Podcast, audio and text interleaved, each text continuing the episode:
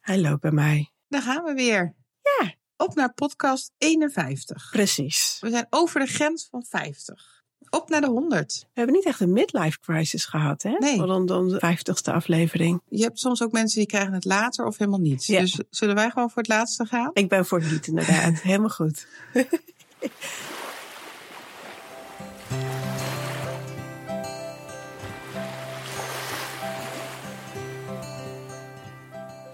Welkom bij Verloskundig Baken, de podcast die een podium geeft aan innovatie en vernieuwing in de geboortezorg. Wij zijn Kirsten Schatelier. En Mirna Knol. En vandaag hebben we het over beslissingen. Beetje jouw onderwerp wat je graag wilde, hè? Nou, ik wilde inderdaad heel graag hierover hebben.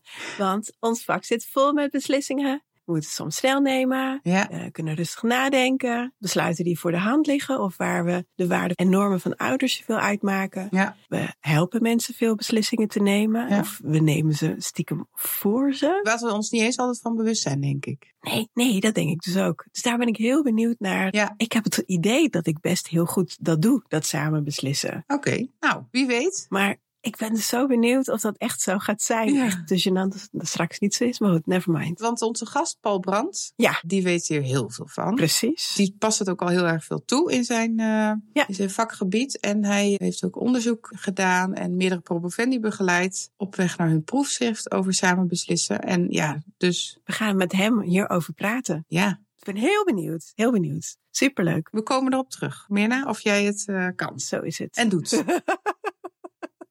En jij dan? Ja, ik moet me ook best wel opstellen natuurlijk nu. Dus ik ga er wel even op letten, ja. Heel goed. Maar ehm, voordat we met Paul gaan praten. Vorige afleveringen hebben we het gehad over leuke berichtjes die ons motiveren om afleveringen te blijven maken. Ja. En we hebben er natuurlijk meer, dus dachten we nog een paar delen, toch? Ja, want het lijkt erop als, me- als mensen weten van... oh, dat vinden ze echt heel erg leuk. Dan krijgen we er ineens weer heel veel. Dus we gaan het gewoon weer doen. Eerst is, eh, ik ben na vier jaar weer aan het herintreden in het vak. En door alle afleveringen te luisteren hebben jullie me helemaal bijgepraat. Super bedankt, jullie doen het fantastisch. Nou, dat is toch leuk? Dat is superleuk. En goed dat er iemand aan het herintreden is. Ja, want we kunnen ja. alle mankracht gebruiken. Precies. Maar alle afleveringen, man, ja, dat zijn er dus. dat zijn er eh, Een heleboel. 50. Ja. Want dit is 51. ja. Precies. Maar voor mijn gevoel is het ook zo. Sommige mensen luisteren gewoon gericht op onderwerp. Ja. Sommige mensen zijn echt van die, weet je wel, completionists. Ja. Hè, die willen het gewoon het compleet hebben of zo. Nou, helemaal Ja. goed toch? Mhm.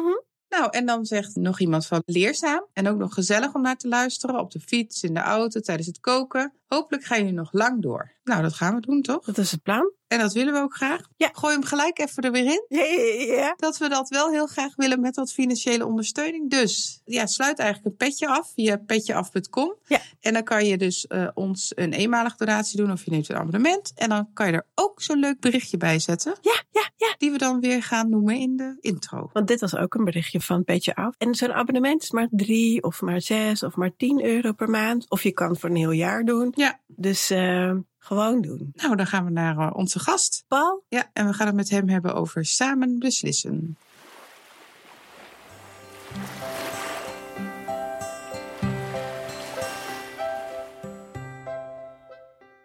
En dan gaan we door naar het onderwerp van deze podcast. Samen beslissen. En daar hebben we een gast voor gevonden die daar veel over kan vertellen. Paul Brandt, welkom. Dank je. Zou jij jezelf voor willen stellen? Tuurlijk. Ik ben eh, Paul Brandt. Ik ben 61 jaar. Ik werk sinds ruim 25 jaar in eh Isola in Zwolle. Waarvan de eerste ruim 20 jaar als kinderarts. En de laatste jaren hou ik me volledig bezig met de opleiding en begeleiding van dokters. Eh, en zie ik dus geen patiënten meer. Maar wat ik geleerd heb over samen beslissen, dat komt echt uit mijn werk als kinderarts. Ja, precies. Vind ik leuk om vanmiddag iets over te vertellen aan jullie. Nou, wij ook. Om te bespreken met jullie. Ja, Precies, eens, het- hetzelfde. Maar we hebben altijd voor onze gast een allereerste vraag. En ook die vraag gaan we aan jou stellen. En dat is de vraag, hoe ben je voor het eerst met de geboortezorg in aanraking gekomen? Ehm, ik heb eh, vijf kinderen samen met mijn vrouw. Dus met de geboortezorg ben ik uiteindelijk ook eh, uit eigen ervaring in aanraking gekomen. Maar daarvoor al, als co-assistent, Mhm, heb ik een aantal bevallingen mogen doen. mhm. Dat was in die tijd heel gewoon, eh, inmiddels niet meer zo gewoon. Maar daarbij heb ik ook een aantal thuisbevallingen gedaan onder leiding van een verloskundige. En dat vond ik echt fantastisch, dat dat thuis kon in Nederland. Mhm. dat dat dan ook nog op kwalitatief enorm hoogwaardig niveau gebeurt. En dat het zo lekker ehm, toch ontspannen is in de eigen omgeving. Dus daar heb ik toen wel van geleerd en gezien. Het kan thuis kwalitatief goed en veilig. Mhm. En het is zo fijn om het thuis te doen, dat wil ik later ook. Dus vier van mijn vijf kinderen zijn uiteindelijk thuis geboren. En daar ben ik nog altijd heel tevreden over. Dat is voor kinderartsen niet zo gebruikelijk om Nee. kinderen thuis te krijgen. Omdat wij natuurlijk geconfronteerd worden Ja. met de, ja, toch de gevallen waar het misgaat rond de geboorte. Ja, precies. Maar ik heb altijd wel het vertrouwen gehad dat dit heel goed thuis kon. En eh, dat wilden we ook allebei heel graag. Ja, nou fijn eh, om ook bij- inderdaad dan bij dat gevoel te blijven, eh, zeg maar. Ja. En je had niet de neiging om als coach te zeggen, oh, verloskundige worden is ook leuk. Nou, nee, want ik was eh, in opleiding tot dokter. En de, Ja. eh, wil je dan verloskunde gaan doen, dan hoort daar de gynaecologie bij. Ja, dat was niet mijn vak. De kindergeneeskunde Nee, precies. was en is echt mijn vak. Ja, Daar hoor ik thuis. Ja. ja. precies, precies. en dan kun je ook aan geboortezorg doen, want ongeveer een kwart van ons werk ja, gaat over pasgeborenen. Dus eh, is het natuurlijk ook. nog altijd een van de leukste dingen om op elkaar bij een sectio te staan. En dan Ja. zo'n kindje in je handen te krijgen en even af te drogen en op gang te helpen. En daarna weer eh, gauw naar de kerstverse vader en moeder terug. Ja, ja, nee, precies, dat is natuurlijk ook zo. Ja. Maar eh, we gaan het eh, dus vandaag hebben over samen beslissen. Meestal op het moment dat we een onderwerp bij de kop pakken, dan eh, beginnen we vaak bij wat is het eigenlijk? Of Ja. waar komt het Ja. vandaan? Ja, nou samen beslissen kun je definiëren als dat de zorgverlener en de patiënt Mhm. samen tot een besluit komen wat het beste bij die patiënt past.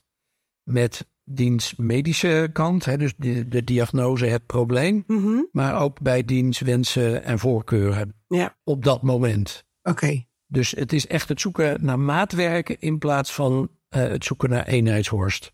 Oké. en dan ga je dus eigenlijk meteen al het protocolfenomeen loslaten. Nou, nee, nou, ik geloof niet zo in protocollen, maar wel in richtlijnen. Mhm. Als het over medische inhoud gaat, protocollen zijn heel geschikt om stappen te definiëren die je moet doen. Bijvoorbeeld, wat moet er allemaal klaar liggen om een thuisbevalling veilig te kunnen doen? Mhm. Daar heb je gewoon een lijstje voor. En het is handig om dat af te werken Ja. en daar ook niet van af te wijken. Maar bij de medische inhoud, dus een medisch besluit wat je neemt of een verloskundig besluit wat je neemt, Mhm. daar heb je richtlijnen die gebaseerd zijn op bewijs. En die zijn belangrijk en krachtig. Mhm. Maar er kunnen altijd redenen zijn om gemotiveerd van die richtlijn af te wijken. Bijvoorbeeld omdat dat beter bij de specifieke wensen en voorkeuren van de patiënt past. En dat is ook niet iets wat iemand afdwingt. Hè? Dus, dus niet u vraagt, wij draaien. Mhm. Maar het is echt het afstemmen van wat weet ik in deze situatie over de medische kant van het verhaal of de Ja. verloskundige kant. Ja. En welke wensen en voorkeuren heeft de patiënt? En hoe kunnen we dat bij elkaar brengen tot een besluit wat recht doet aan het medisch bewijs wat er is? Mhm. Hè, aan de ene kant. En aan de andere kant recht doet aan de wensen en voorkeuren van de, de persoon die je voor je hebt. Het is nog ja, eigenlijk iets hè, wat we steeds meer horen. Heb jij enig idee wanneer dat een beetje begonnen is om dat zo te noemen ook? En, en Ja. te benoemen? Ja, nou tot zeg maar de jaren negentig van de vorige eeuw was het eigenlijk gebruikelijk dat de arts. Ik pra- praat, als ik over artsen praat, dan geldt dat ook voor verloskundigen. Ja, ja, ja. Kunnen we dat afspreken? Want anders moet ik de hele tijd arts of Ja, ja zeker. zeker. Ja, hè, dus wanneer je als behandelaar, als arts een patiënt ziet, dan heb jij natuurlijk de expertise om dat probleem te analyseren, een diagnose te stellen en daar een behandeling bij voor te stellen of te gaan inzetten. En het was tot de jaren negentig van de vorige eeuw gebruikelijk dat de arts of de behandelaar dat die in die expertrol zat. En dat werd ook als vanzelfsprekend aangenomen. En dat doet ook heel veel goed, die expertrol. Alleen die expertrol is maar een deel van het verhaal. Ja. Ja, vanaf de jaren 70, 80 ongeveer kwam er een tegenbeweging op gang. Vooral vanuit patiëntenorganisaties. Die zeiden, ja, dat is allemaal mooi en aardig, die expertise van de dokter. Maar het gaat wel om zieke mensen. En die hebben rechten. Die, eh, die zijn autonoom. Die eh, eh, hebben ook Zelfbeschikkingsrecht. zelfbeschikkingsrecht. Precies. Dus die moeten ook mee kunnen beslissen. Ja. En toen is eerst eigenlijk de tegenbeweging ontstaan van oké, ja, eigenlijk moet je dan de arts misschien zien als degene die een heleboel informatie geeft en alle informatie deelt met de patiënt en dat de patiënt dan mag kiezen. Mhm, Dat noemen we zeg maar het informatiemodel of het consumentenmodel. mhm, Maar dat is vaak bij complexe beslissingen of bij beslissingen op momenten dat eh, ja, er ook spanning of angst of spoed is, Ja, eh, is dat heel ingewikkeld. Daarna is eigenlijk het inzicht ontstaan om die beide dingen bij elkaar te brengen. Dus de medische kennis en expertise aan de ene kant, de kennis en de expertise van de patiënt over zijn eigen leven met zijn wensen en voorkeuren aan de andere kant, en om dat bij elkaar te brengen. ja, En de term samen beslissen of shared decision making, die is eind jaren negentig voor het eerst in de literatuur opgedoken.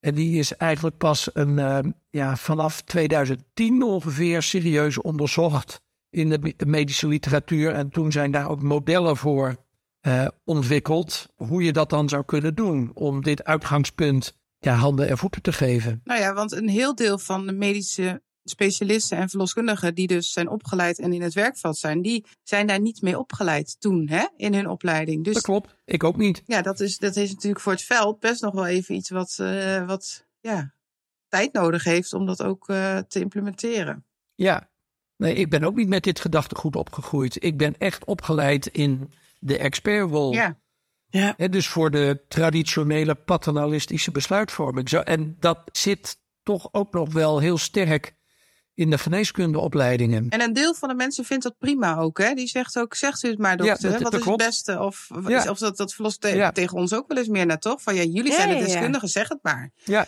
En dat is dan natuurlijk ook prima. ja. Maar ik ben toch nog even benieuwd, hè? Want kan je echt een beslissing samen nemen? Of neemt uiteindelijk de patiënt of de cliënt toch uiteindelijk altijd de eindbeslissing op een bepaalde manier? ja. Misschien niet van de individuele handeling, maar bijvoorbeeld van, nou ja, ja wat de volgende stap gaat zijn bij een bevalling. Of Ja. Ja, nou ja, wettelijk is het natuurlijk zo dat wij alleen mogen handelen als de patiënt daar informed consent voor heeft gegeven. precies. Ja. Tenzij er een dusdanige spoedsituatie is dat de tijd er niet is om informed consent. eh, eh, Ja, als, je, als je een uitgezakte navelstreng hebt, dan ga je niet eerst vragen en de hele hoop uitleg geven. Dan ga je eerst handelen. ja, Dus in die zin, de patiënt heeft altijd het laatste woord. ja, Ja, dat is waar. Aan de andere kant eh, hebben wij altijd het laatste woord, omdat wij eh, ja, toch echt de kennis en de expertise moeten leveren, of ook soms de handelingen moeten doen om te zorgen dat het beleid wordt uitgevoerd. Ja. Dus we hebben allebei een rol daarin. ja. Eh, ja, ik zou dan zeggen, breng die vooral bij elkaar. The best of both worlds. Ja, precies. Nou ja, en dus de vraag ook, hè, want samen beslissen komt dan naar boven en het wordt steeds meer benoemd, steeds meer opleidingen aan bod gebracht, et cetera. En ehm, het wordt op een gegeven moment toch ook een beetje, eh, met alle respect, een soort van trend, term. Maar uiteindelijk is het een soort van menukaart. Een moment waarop je soms wil dat die, die medicus zegt van nou, je moet het gewoon zo doen. Of dit is de beste stap voor voorwaarts. En snel handelt, omdat die navelstreng uitgezakt is. En dus daarin een paternalistische beslissing neemt, zou je kunnen zeggen. Ofwel de, de route van inderdaad informed consent of misschien wel counseling. Hè, waarbij je ook daarin een soort van counselingsgesprek eh plaats laat vinden. Dus misschien nog een vorm van beslissingen maken, die ik nu noem. Ofwel inderdaad dat, dat samen beslissen. En eigenlijk eh, hoor ik dan ook een beetje, denk ik, dat er voor ieder de vorm van beslissingen maken een eigen beste moment is, of niet? Ik denk dat bij. Zou alles in samen beslissen gevat moet worden? Nee, dat denk ik niet. Ik denk wel dat het het uitgangspunt moet zijn dat je steeds wil zoeken naar de oplossing die het beste bij deze persoon past. Ja, En, eh, dat kan toch het beste met het proces van samen beslissen. Dus dat, als dat Ja. het uitgangspunt is waar je dan af en toe gemotiveerd van afwijkt, prima. ja, Eh, Ik zeg dat ook omdat we inmiddels weten uit onderzoek dat wij zorgverleners minder goed zijn in het voorspellen van wat mensen zelf graag willen dan dat we denken dat we zijn. ja, precies. Dus wij denken dat wij wel kunnen aanvoelen bij een patiënt, oh dit is nou typisch een patiënt die het prettig vindt als ik het besluit neem. Ja, ja. Maar dat blijkt lang niet altijd te kloppen als we het aan die mensen vragen. Kan dat in zo'n proces dat je zegt van ja, hier komen we gewoon niet uit? Ja, absoluut. Ja, dat wil je uiteindelijk niet, maar Nou, dan moet je misschien die persoon verwijzen naar een andere zorgverlener. ja, Wat bijvoorbeeld wel eens gebeurt, eh, hè, is dat we- wij zien als kinderartsen heel veel eh, onrustige eh, huilende, niet lekker gedijende Mm. baby's. Mhm. Ja. En ouders willen daar heel vaak, hebben ze dan gehoord eh, of via via of gelezen, Ja. ehm, dat ze bezorgd zijn dat maagzuur daar een rol in speelt. En dan willen ze een maagzuurremmer, een PPI. Ja. Eh, terwijl we medisch inmiddels weten dat voor die klachten eh, zuurremming geen enkele invloed heeft. Dus ik wil dat niet doen. Ja. En ik hoop dan dat ik in het gesprek met ouders die daar wel om vragen tot het besluit kan komen van dat gaan we niet doen. Mhm. Maar we gaan, we gaan een ander plannetje maken. Dat lukt ook 9 van de 10 keer als je dat als uitgangspunt neemt, maar soms niet. En dan kun je dus vaststellen dat je het respectvol oneens bent met elkaar. Ja, Ja. En dat is oké wat mij betreft. ja. En dan zou zij, of als zij zeggen van nou, wij willen dat per se wel, dan zou ze op zoek moeten naar een andere hè, zorgverlener. Ja, die dat, die dat wel wil doen. Ja, precies. Ja, dat hebben we ook wel eens, toch? Meer nou ja, dat je zegt van joh, het is toch misschien beter dat je een andere verloskundige zoekt. Want je hebt natuurlijk wel ook je eigen normen en waarden. Niet dat dat nou heel hoog staat. Ik bedoel, daar kunnen we echt heel goed in schipperen. Maar je hebt misschien toch wel zelf ook bepaalde dingen waarvan je denkt, ja, hier Ja. kan ik gewoon echt niet achter staan. En dan, hier ligt voor mij de grens. Ja, En wij hebben allemaal die professionele grenzen. ja, En Dat vind ik juist het mooie aan het proces van samen beslissen. Die mogen er ook zijn. Net zoals de wensen en voorkeuren van patiënten er Ja. mogen zijn. En je- Ja. eh, ik vind wel dat wij als zorgverlener ons best kunnen doen. Mhm. om te kijken of je die zoveel mogelijk bij elkaar kunt brengen tot een gezamenlijk genomen besluit. In plaats van ik vind dit, jij vindt dat, we zijn het niet eens en weer, weer, weer, weer, weer. ja. Nee, maar dat is natuurlijk wat er wel eens heerst. Van dat eh, zorgverleners denken dat die grens voor hen niet meer zou mogen bestaan. Maar jij geeft nu echt Ja. heel duidelijk aan van, Ja. hè, die mag er gewoon zijn. Ja, ik, ik, dat ik je hoor inderdaad, ook, u vraagt mij, Ja. eh, wij draaien moet doen. Ja. ja. ik hoor eh, gynaecologen met enige regelmaat klagen over de terreur van de bevallingsplannen. Ja, Ja, ik denk dan altijd, weet je, daar kun je gewoon toch eh, een gesprek over hebben. ja, ja. Dat hoeft niet meteen wij tegen hun te zijn. Nee. Dat kan zijn, eh, goh, laten we eens kijken wat jullie willen en wat er hier mogelijk is. ja. En hoe we dat eh, bij elkaar kunnen brengen. ja. eigenlijk ook heel leuk, toch? Tenminste, ik vind dat heel erg leuk. Als je dan uiteindelijk toch, hè, ook al denk je misschien, zie je zo'n papier en denk je, dat wordt wat. En dan ga je dat gesprek aan en dan kom je er gewoon soms heel mooi samen uit. Precies. En je ziet wel dat er heel veel verschil zit in hoe, hoe men het een en het ander heeft voorbereid. Maar goed, hier hebben we een hele aparte, leuke precies. aflevering over gemaakt. Mooi. Die van het geboorteplan. Ja, Waar, waar ik nog even benieuwd naar ben, is want nog heel even terug naar wat je eerder zei. ehm, dat wij eigenlijk als zorgverleners soms heel goed denken te weten wat mensen wel of niet willen qua besluitvorming en in een bepaalde situatie. En ik vroeg me af ja, of je daar wat meer over zou kunnen vertellen. Zit daar Ja. verschil in wat voor zorgverlener het is of de situatie of Nou, dat- misschien kan ik dan het beste vertellen over mijn eigen ervaring die ik had bij de behandeling van kinderen met astma. Dat deed ik heel veel. En Dat is mijn specialiteit. Daar weet ik ook ontzettend veel van. Daar deden we onderzoek in.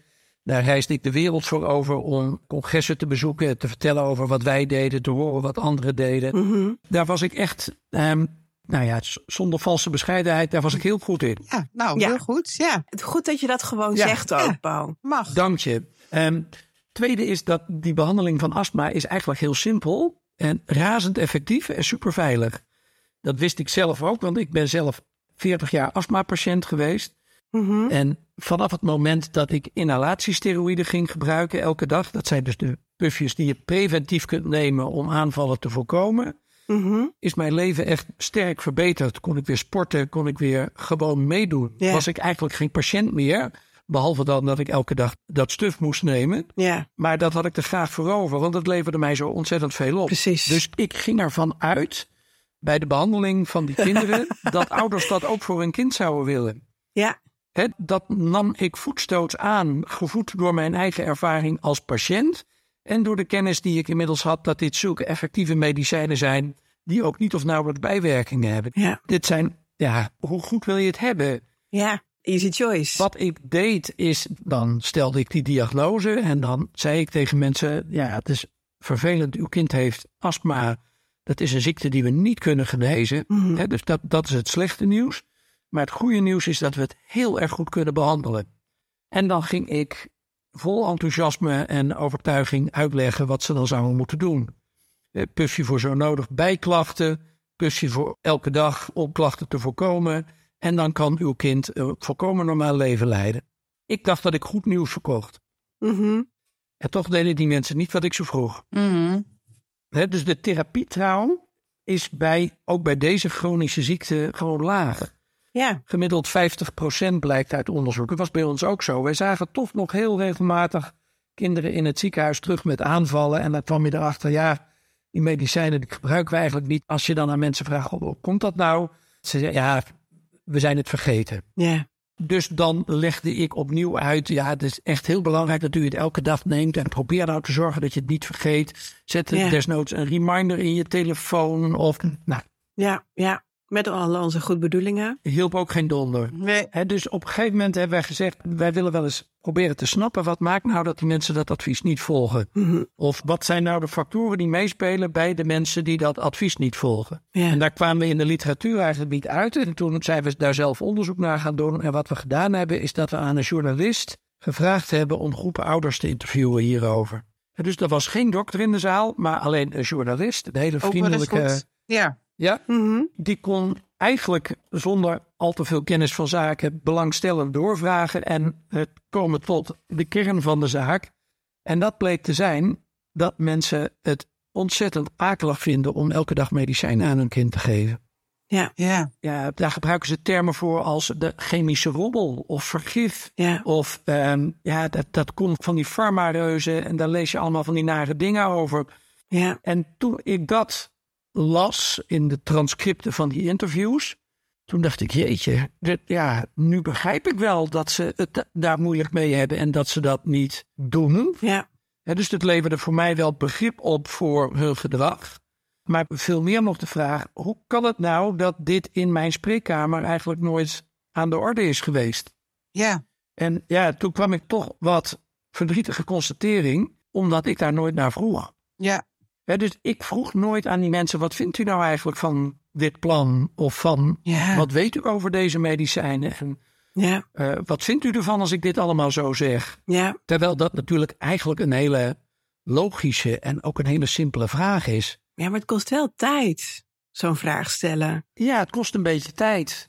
Maar je krijgt wel de informatie op tafel die razend belangrijk is om die behandeling succesvol te doen. Ja. Hè, Want ik ben afhankelijk van de medewerking van die mensen om die behandeling te laten slagen. Het kost jou ook tijd als dat kindje steeds weer terugkomt. En, eh, dat klopt. en dat is voor hem of haar natuurlijk ook belastend. Ja, Nee, maar ik kan me voorstellen, ik bedoel, hè, even voor de goede orde, ik ben hartstikke pro het concept samen beslissen. Maar toch even advocaat van de duivel. Ik kan me voorstellen dat menigeen zegt van ja, maar dan die dialoog aangaan. Ik heb eh, zoveel tijd voor eh, een individueel iemand. Ja. Het kost en Klopt. het kost maar. Waar houdt het op? Men wil alleen maar overal over praten. En nu ook nog eens een keer samen beslissen, daar heb ik gewoon geen tijd voor. Ja. Ik word al overvraagd. ja.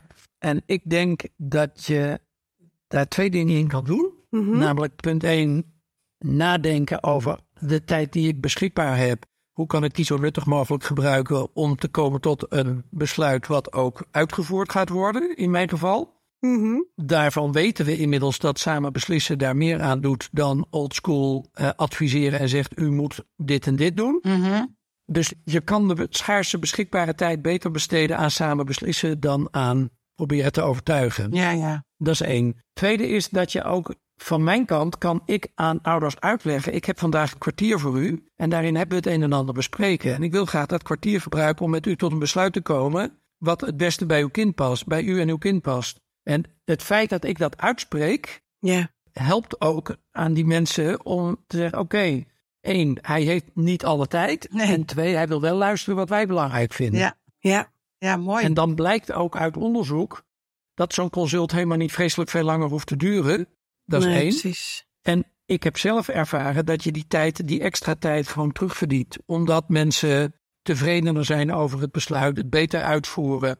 En dus ook minder vaak terugkomen met allemaal ja maren. Ja, die voelen zich gewoon gehoord. En dat is natuurlijk... Zo is het. eh, ja, mooi. Dat is dus eigenlijk een manier waarop je mensen kan helpen om zelf ook de rol aan te nemen van een partij in dit samen Ja. beslissen gesprek. Ja. Zijn er nog andere dingen die we kunnen doen om mensen daartoe uit te nodigen? Dit heet al stap 1 van samen beslissen. Het benoemen, we hebben een besluit te nemen, wil ik graag samen met jullie doen. Mhm. En daarvoor is het belangrijk voor mij om te begrijpen wat voor jullie belangrijk is. Ja, Dat is een manier om het te zeggen. Of je zou kunnen zeggen, zo heeft een moeder het een keer bij mij gezegd. Dokter, u bent de expert op het gebied van de ziekte van mijn kind. Ik ben de expert op het gebied van het dagelijks leven van mijn kind. Kunnen we dat eens naast elkaar leggen? Ja, Die heb ik daarna in omgekeerde zin ook vaak gebruikt. ja, Hè, dus je kunt oefenen op zinnen die je kunt gebruiken om dit principe uit te leggen. En die stap 1, we hebben een besluit te nemen. Ja. We gaan het samen doen en jouw mening is belangrijk. Daar maak ik ruimte voor. ja, Die wil ik echt graag weten. Die stap blijkt essentieel te zijn om echt aan samen beslissen te doen. En die kun je jezelf aanleren. Dat kun je in je gereedschapskist stoppen. ja, Ja, en dat is wat ik zei, dat het dat bij je past ook. Dat je je er ook zijn nak Ja. bij voelt en dat je die vraag gewoon ja, zonder eh, problemen. Dat het niet een, eh, een kunstje wordt wat je doet, maar dat het je echt laat merken: dit, dit- ik vind dit ook echt. Ja, Ja. precies. Ik zeg dit niet omdat het van eh, minister Kuipers moet, Nee. maar eh, omdat ik het echt zelf vind. Want dat hebben ze feilloos in de gaten. Hè? We onderschatten ze denk ik soms ook gewoon als zorgverleners hoor. Onze cliënten en patiënten. Ze weten vaak heel Ja. goed wat, Ja. wat ze willen ja, precies. en kunnen. Ja, en als wij niet authentiek zijn, daar prikken ze genadeloos doorheen. En Mm. terecht. Ja. Is het ook iets wat onderschat wordt? Niet alleen wat mensen willen, maar ook wat je zelf doet? Ik bedoel, ik durf het bijna niet te zeggen, maar ik heb het idee Oh jee. dat Nou, ik kom best maar. heel erg aan samen beslissen doe al. ja, Zou dit een blinde vlek van mij kunnen zijn dat het eigenlijk helemaal niet zo is? Ja, nou wat mooi dat je jezelf die vraag stelt, eh, Mirna. Ehm, ik denk dat dat best zo zou kunnen zijn. Je probeert het echt heel voorzichtig te Nou, brengen. Nou, Nee, eh, eh, Mirna kan best wat hebben hoor. Ik kan dat hebben hoor. maar ik, ik weet natuurlijk niet hoe jij je werk doet. En ik heb nog nooit bij jou in de spreekkamer meegekeken. Dus ik weet het oprecht niet. Nee, ja, precies. Ehm, we weten wel twee dingen uit onderzoek echt wel. Namelijk punt 1 dat de meeste zorgverleners veel aan impliciete overreding doen. ja, En dus met onze manier van ook het uitleg geven over de verschillende opties die we zijn, sturen we. Toch? Ja. Uiteraard. Ja, Ik vind dat ook niet zo erg. Ik kan nog steeds veel kwijt over mijn enthousiasme over die inhalatiesteroïden als fantastische medicijnen voor een veel voorkomend probleem. mhm. Ehm, en dat mag ook. Dat willen mensen ook wel horen, als ik maar duidelijk heb gemaakt dat daarnaast ook ruimte is voor hun kant van het verhaal. ja, Dus dat is één ding. Tweede Ja. is dat ja, de meeste zorgverleners die wij onderzocht hebben in, in het onderzoek wat we net hebben afgerond, die willen graag samen beslissen. Hè, de- omdat ze zeggen, ja, dat vind ik belangrijk. Die denken ook dat ze het doen, maar die doen toch meer aan overreding en eh, paternalistische besluitvorming dan dat ze denken dat ze doen. Hè, dus wat wij in, in het onderzoek zagen, is hele betrokken, vriendelijke, toegewijde medisch specialisten die met de beste bedoelingen het in hun ogen beste besluit voor hun patiënt nemen in plaats van met de patiënt. ja. ja, precies. Maar ja, het is ook lastig, omdat als je dat niet, als je dat niet hebt ja, geleerd. Ja, Ja, Ja. dat is ook geen verwijt van mij aan hun, hè, want Nee. het zijn, Nee, nee, we nee. hebben van 40 specialisten bijna 800 consulten in totaal geanalyseerd. Dus ik kan wel echt zeggen dat ik van die 40 medisch specialisten een goed beeld heb gekregen van hoe ze in de spreekkamer werken. Ja. En ik zou, als ik een probleem op hun gebied had, bij elk van hun vol vertrouwen de spreekkamer inlopen, omdat ik weet dat ze hun vak verstaan ja, en het beste met mij voor hebben. Precies, Echt waar. ja, ja, Alleen ze doen minder aan samen beslissen dan ze denken dat ze doen. Ja, ik denk wel, dat zei ik net tegen Mirna ook voor de opname, van mijn gevoel is dat de beweging, laat maar zeggen, ook veel meer gaat komen vanuit de cliënten zelf, hè? dus vanuit de patiënten. Dus dat eh, die vraag natuurlijk, hè, van wat we in het begin zeiden, van dokter beslist u, maar u weet vast wel wat het beste voor mij is. Dat dat ook minder zal worden, waardoor we misschien, hoe moet ik dat zeggen, in het tijdsvlak, laat maar zeggen, vanzelf daar Mhm. naartoe gaan, waardoor het wat steeds beter wordt ingebed en steeds ja, natu- natuurlijk zal gaan, omdat die vraag vanuit de cliënt steeds sterker wordt. Ja, ja. Denk ik, maar misschien zie ik dat helemaal verkeerd hoor. En het is natuurlijk interessant om te weten of dat sterk genoeg is gecombineerd met wat er in de opleidingen Dat klopt. gebeurt. Ja. Ik bedoel, uiteindelijk als stagiaire, als verloskundige in opleiding, ja, je loopt bij een verloskundige mee en je neemt toch ook een beetje haar gesprekstechnieken over, Over, in de ja. spreekkamer. Want Ja. ja, je- dat is de, het voorbeeld. Een voorbeeld, hè, wat i- iemand doet, daar leer je meer van dan wat iemand zegt dat je zou moeten doen. ja. En dus je kunt nog zo mooi op de academie eh, de, de verloskundigen van de toekomst trainen in samen beslissen. Ja, Als ze vervolgens de praktijk ingaan en hun rolmodellen in de praktijk, hè, de echte verloskundigen het anders zien doen, zullen ze dat overnemen voor een belangrijk deel. ja dat gaat denk ik die in het ziekenhuis. En een tweede is, Kirsten, de, we weten eigenlijk heel goed wat patiënten willen. Dat is al jarenlang bekend. vrijwel alle patiënten willen mee kunnen beslissen. in ieder geval mee kunnen denken. En anders echt serieus genomen worden. En bij dat serieus nemen hoort ook dat je als zorgverlener belangstelling toont voor. Oké, maar wat vinden jullie dan? Zelfs als je zegt, jij bent de expert, neem jij het besluit maar. Dan nog is het prettig voor mij als zorgverlener om te horen wat is dan voor jullie belangrijk. Ja. Hoe kan ik het jullie zoveel mogelijk naar de zin maken? Maar zouden ze dat niet wat meer gaan afdwingen als er een medisch specialist of een verloskundige voor hen zit die dat van nature nog niet doet? Die groep die wordt denk ik groter. Als ze daar de vrijheid voor voelen, als ze niet denken, nou ik ben toch behoorlijk afhankelijk van deze zorgverlener. Oké. Ja, dat is natuurlijk wel het gevaar. Hè? Ja. Mijn kind veilig ter wereld te brengen of om mijn medisch probleem op te lossen. Ja, dat is natuurlijk wel. En daar, ja, dat- daar moet ik me niet al te grote bek op zetten, Nee. want dan... Ja, dat klopt. Ja, en als je ziek bent, ik bedoel, stel, Ja. weet ik veel, je, je voelt je gewoon beroerd. Je hebt hyperemesis of, of, of eh vette Ja, dat PE. is ook zo. Dan ben je ook niet, nou ja, ja. Nee, precies. Ik denk dat wij als zorgverleners hier wel echt een verantwoordelijkheid in hebben. Ja. En met goede reden ook, want patiënten willen het. De uitkomsten zijn beter, heb ik net al iets over verteld. Hè. Doe- Mede Mhm. doordat de therapietrouw beter wordt. Ja. Ehm, een betere beleving, denk ik. een betere beleving, mensen zijn tevredener. Mhm. Eh, vinden ook dat de besluiten beter bij hen passen, voelen zich meer gehoord. Ja. En er zijn aanwijzingen dat mensen dan toch ook zinniger en zuiniger keuzes maken. En Dus het zou ook nog misschien een steentje kunnen bijdragen aan het eh, beteugelen van de kostenstijging in de zorg. Ja, Ja. nou. Dat is niet het primaire doel, maar dat is leuk meegenomen. Ja. ja. Ja. Goh, jongen, jongen. Ja. Wat een info. Ja, nou, ik denk dus dat we allemaal misschien de vraag moeten stellen: doe ik aan samen beslissen of doe ik aan therapie adviseren? Nee, ik bedoel, ik zit niet te denken als iemand bekkenklachten heeft, adviseer ik ze om naar de bekkenfysiotherapeut te gaan. Ja. Heeft dat wel zin? Moet ik eigenlijk niet zeggen, goh, wat zullen we daar eens aan doen? Moeten we daar een beslissing over nemen samen? Ja. Ja, klopt. Dat zijn hele kleine Ja. beslismomentjes, maar eigenlijk, Goed voorbeeld. ja. dus ik zit zo eens eh, lekker eh, te reflecteren. Ja. van goh, en wat voor soort dingen doe ik dat dan? Wat zijn eigenlijk al die beslissingen? Ja. Want er zijn er heel veel in een consult. De hele dag door. Ja. En ik vertelde jullie over de astma en de inhalatiesteroïden. Dat Mhm. advies voor inhalatiesteroïden staat in alle landelijke en internationale richtlijnen.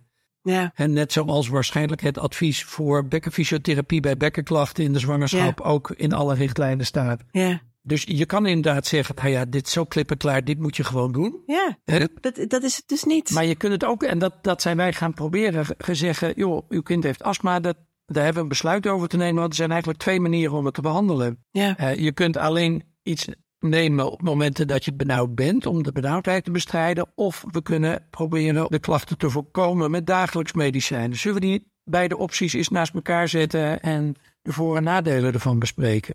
ja, En dat kan bij bekkenklachten kun je ook zeggen, nou, we kunnen eigenlijk twee dingen doen nu.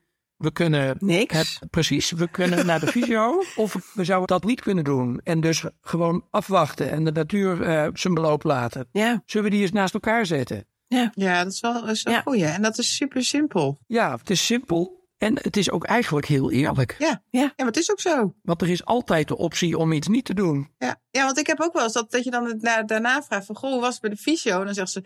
Ja, nee, dat heb ik nog niet gedaan, want eh dat viel eigenlijk toch wel mee. En dan denk ik, oh ja, ja, nou prima ook. het is haar lijf, haar leven. Ja, maar dat was ook wel... dat- ja, Ja, Maar het interessante is ook wel, want het zijn zoveel dingen. Iemand die met lekker van die diffuse klachten, harde buiken, last van dit of dat, zo moe, et cetera. Dat zijn hele, hele ge- gebruikelijke klachten. En wat je dan eigenlijk doet, wat ik nu doe, is mensen aan het denken zetten. En zeggen van, joh, jij kent je eigen leven het beste. Wat doe je allemaal op een dag? Wat belast jou op een dag? En heb het daar samen met je man over.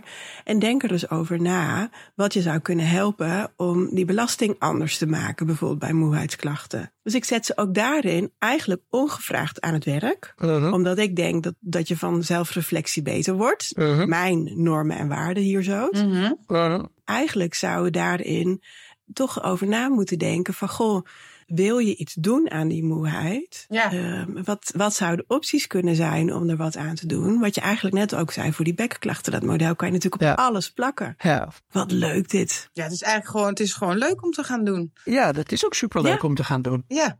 ja, jij bent er ook heel enthousiast over. Dat, dat horen we, dus dat is wel heel leuk. Ja, En uiteindelijk, ik bedoel, of ik nou een heel gesprek heb met waarom het een goed idee is om er met een man over te praten, waarom ze zo moe is en eh, of er niet wat huishoudelijke jobs of eh, werk of whatever af moet. Ja, weet je, dat is een mededeling, maar dat gesprek zal even lang zijn als het gesprek Ja. wat je anders voert. Ja, leuk.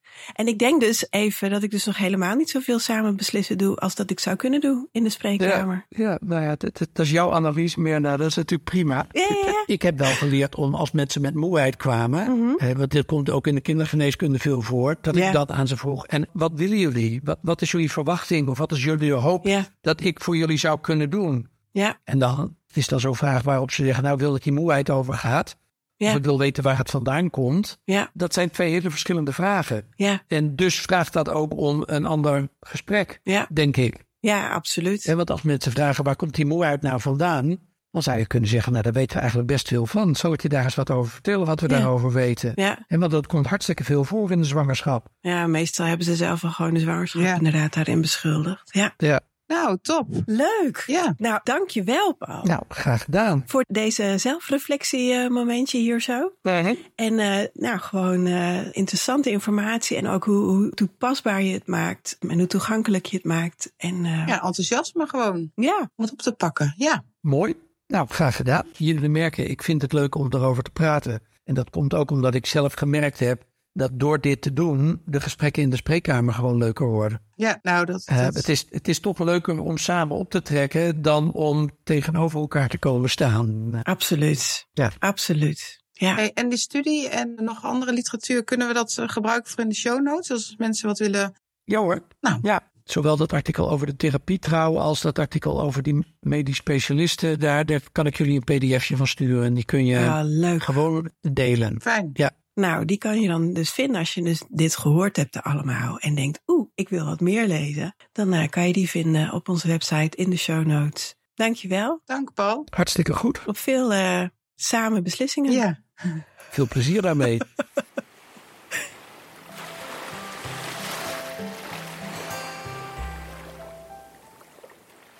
Leuk. Nou, zeker. En ik vond jou echt goed, Mirna. In die zin dat je even die zelfreflectie erin gooide.